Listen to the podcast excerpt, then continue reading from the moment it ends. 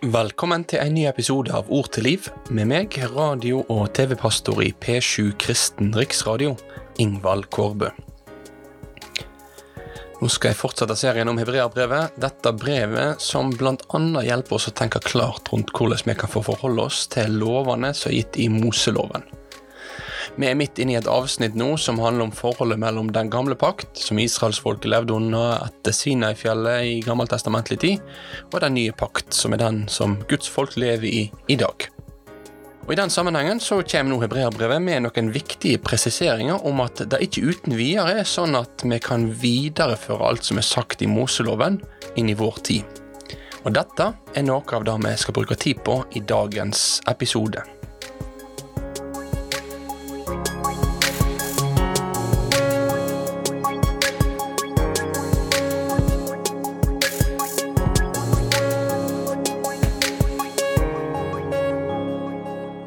Meg, som er en person som ønsker å bøye meg for det som står i Bibelen, og la bibelordet være rettesnora for læra mi og for livet mitt, så er det et spørsmål som jeg av og til har opplevd at dukker opp fra personer som ikke deler min tillit til Bibelen.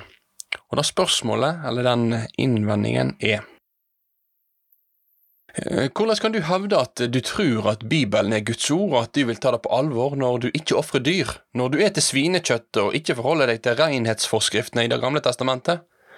Nei, denne påståtte bibeltruskapen din, det er egentlig bare hykleri. Du holder fast og løfter fram det som passer med dine fordommer, men det som ikke passer deg så godt, da prøver du bare å bortforklare, eller du overser det. Kanskje har du møtt eh, denne anklagen fra andre, eller kanskje du kjenner på han i ditt eget hjerte òg? Og jeg tenker at dette er en innvending som det er viktig å ta på alvor, for det er noen gode poeng i det, altså. Det er sånn for alle oss mennesker, både liberale og konservative, at det er lett for oss å lage en gud i vårt bilde. En gud som med sin vilje bare blir en speiler vår drømmesituasjon, i stedet for en Gud som er sannheten, og som åpenbarer for oss sin sannhet gjennom sitt ord. Og realiteten er jo den at òg vi som kaller oss for konservative eller bibeltru kristne, vi følger ikke og tenker heller ikke at vi skal følge mange av lovene som er gitt i Det gamle testamentet. Men da blir jo det avgjørende spørsmålet hva er årsaken til at vi ikke gjør det? Er det at vi danner en gud i vårt bilde, og at vi siler lovene ettersom det passer for oss? Eller har vi gode grunner til at vi samtidig som vi vil løfte fram Bibelen sin verdi og bibelordets sannhet, og vil si at en del av lovene i Bibelen har en begrenset gyldighetstid?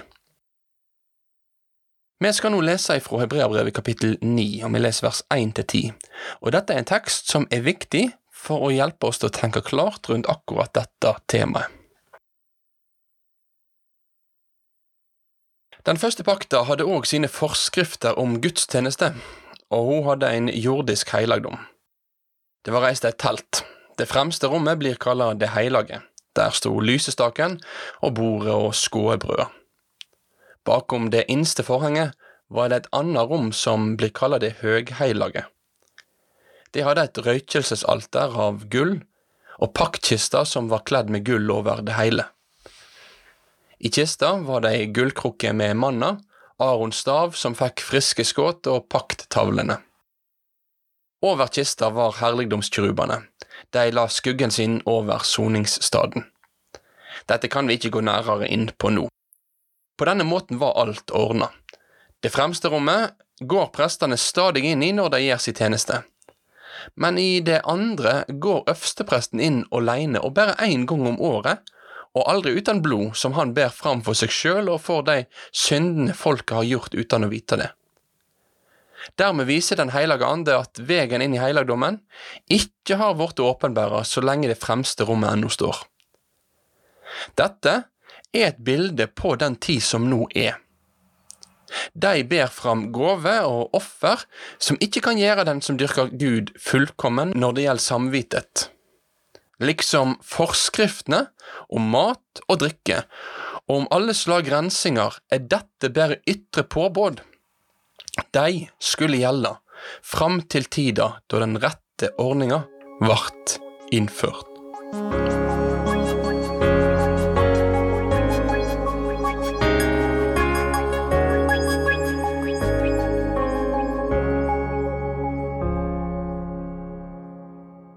Hvis du leser gjennom andre til femte Mosebok, så finner du at det er enormt mange ulike lover som skulle regulere livet for israelsfolket i gammeltestamentlig tid.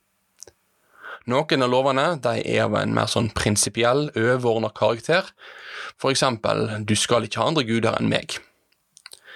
Men mange andre lover er mer situasjonsorienterte, som handler om at eh, hvis sånn eller sånn skjer, ja, da blir det beskrevet hvordan en skal håndtere det. Og blant alle disse lovene, både de situasjonsbestemte og de prinsipielle, så ble egentlig store deler av livet til israelsfolket regulert. Gud, han var en hellig, annerledes Gud, og denne helligheten skulle føre til at hans hellige folk skulle innrette sine liv på en annen måte enn livene til menneskene rundt dem. Og alle disse lovene de er med å danne rammeverket for den gamle pakt. Når nå den nye pakt har blitt innstifta med Jesus, denne pakta som du og jeg i dag lever under, ja, så er det sånn at reguleringene, altså lovene, til denne pakta òg blir fornya. Siden du og jeg nå lever i den nye pakt, så er det avgjørende at vi må forholde oss til de gammeltestamentlige lovene i lys av hvordan Det nye testamentet befaler oss å gjøre det. Så hva sier Det nye testamentet om de gammeltestamentlige lovene? Ja, det er avgjørende. I Det nye testamentet så ser vi at det er mye av det som blir sagt i Det gamle testamentet som både blir bekreftet og utdypet. Tenk bare på budene du skal ikke slå i hjel, eller du skal ikke drive hor. Men så er det òg noen deler av det gammeltestamentlige rammeverket som blir beskrevet som ikke lenger gyldig, som noe som har utspilt sin rolle. Og det er ulike tekster i Nytestamentet som nevner ulike deler. I dagens tekst så er det tre hovedområder av lover i Det gamle testamentet, der vi får lese om dem at de ikke lenger er gyldige. Det var lover som skulle gjelde fram til den tida da den rette ordninga var innført, og da er det underforstått at den rette ordningen, ja, det er den ordningen som Jesus kom med. De tre områdene av lover som her er nevnt, er knytta til mat og drikke, til renselsesforskrifter og til gudstjenestelivet rundt et fysisk tempel i Jerusalem. La meg nå si litt kort om hvert av disse punktene. For det første, punkt 1. Du som har blitt en del av Guds nye paktsfolk ved trua på Jesus, du skal få ha en fri samvittighet i møte med mat- og drikkeforskriftene i Det gamle testamentet. Det er ikke dobbeltmoralsk eller hykleri å ete svinekjøtt, men samtidig holde fast på en tradisjonell forståelse av ekteskapet. Nei, tvert imot så er det fordi vi ønsker å ta hele Bibelen på alvor, at vi òg forstår de ulike gammeltestamentlige lovene i lys av Det nye testamentet. Og Derfor så kan du og jeg i dag, med takk til Gud for Hans gave, og med en ren samvittighet, ete ulike typer dyr som var forbudt i gammeltestamentlig tid. Det nye testamentet formidler egentlig en prinsipielt åpen og takknemlig holdning for Guds gode skapelsesgave, og når det gjelder maten.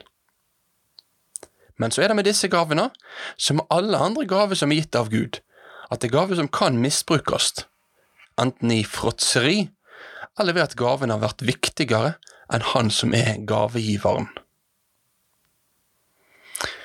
For det andre, du som har blitt en del av Guds paktsfolk, du er fri for renselsesforskriftene i Det gamle testamentet. For oss i dag, med et moderne verdensbilde, så kan det virke ganske fremmed alt det som står i Moseloven om renhet og urenhet men det står en god del i Moseloven om akkurat dette. Vi møter en del skapninger som er permanent ureine, og så er det sånn at mennesker òg kan bli ureine, enten gjennom ulike helsetilstander, eller at en kommer i kontakt med noe som er ureint.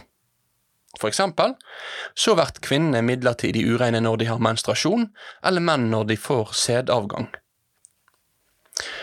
Når en var eller blei urein, så førte dette i Gammeltestamentet tid til at en måtte holde seg borte fra det hellige til en hadde blitt rensa, og at normalen dermed var gjenoppretta. Så hvordan er dette for oss i dag? I den nye pakts virkelighet så ser vi hvordan Jesus er han som oppsøker, berører og renser ureine mennesker. I og med at han har kommet, og at han har blitt mellommann for en ny pakt, så er det sånn at vi dermed ikke lever under disse renselsesreglene og renhetsforskriftene som var i gammeltestamentlig tid. Vi tror at dette var ordninger som gjaldt for ei viss tid, til Jesus, renseren, hadde kommet. Så for deg i dag, uansett hvor rein eller urein du kjenner deg, du er kalt til å få komme til Jesus. Du skal slippe å vente på den rette dagen, når alt er reint. For det tredje. Du som har blitt en del av Guds paktsfolk, du er fri fra offerforskriftene og tempeltjenester i den gamle pakts tid. Kapittel på kapittel i Mosebøkene beskriver ulike slag ofringer, og beskriver hvordan tilbedelsen av Gud var tett knytta sammen med offer som skulle gjøres først i tabernaklet når israelsfolket reiste rundt i ørkenen, og senere i tempelet i Jerusalem.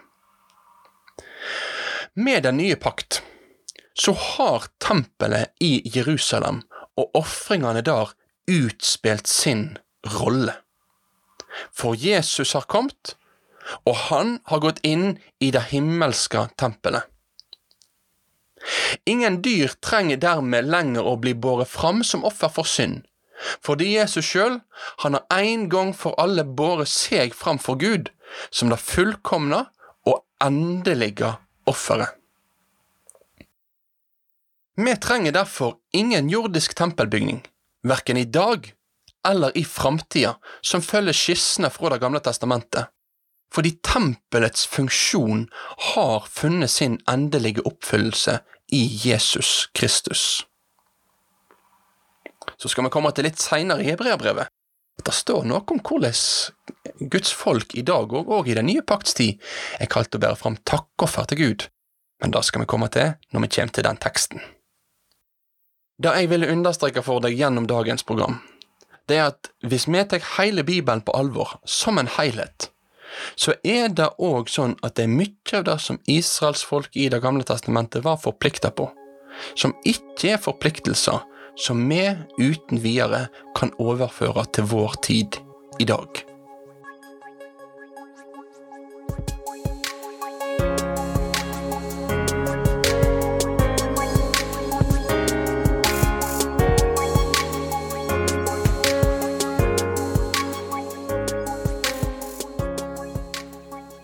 Jeg si tusen takk for at du valgte å få med deg denne episoden av Ord til liv. Jeg prøvde i dag å løfte blikket litt og hjelpe deg til å tenke klart om det er litt sånn hyklersk eller dobbeltmoralsk at vi på ei og samme tid eh, bekrefter deler av de gammeltestamentlige lovene, mens andre deler av de gammeltestamentlige lovene de ser vi ikke lenger på som gyldige. Nøkkelen er å se Det gamle testamentet i lys av Det nye testamentet. og Det betyr ikke at det som var sagt i gammeltestamentlig tid, var feil, men det handler om at det hadde sin gyldighet og sin gyldighetstid, som ikke lenger er nå. Jesus Kristus har kommet, han som er mellommann for en ny og bedre pakt. Bli med videre i uh, Ord til liv. Vi kommer til å fortsette denne serien da vi skal uh, vandre videre gjennom hebreerbrevet. Inntil neste episode så vil jeg ønske Herrens rike velsignelse over deg og ditt liv.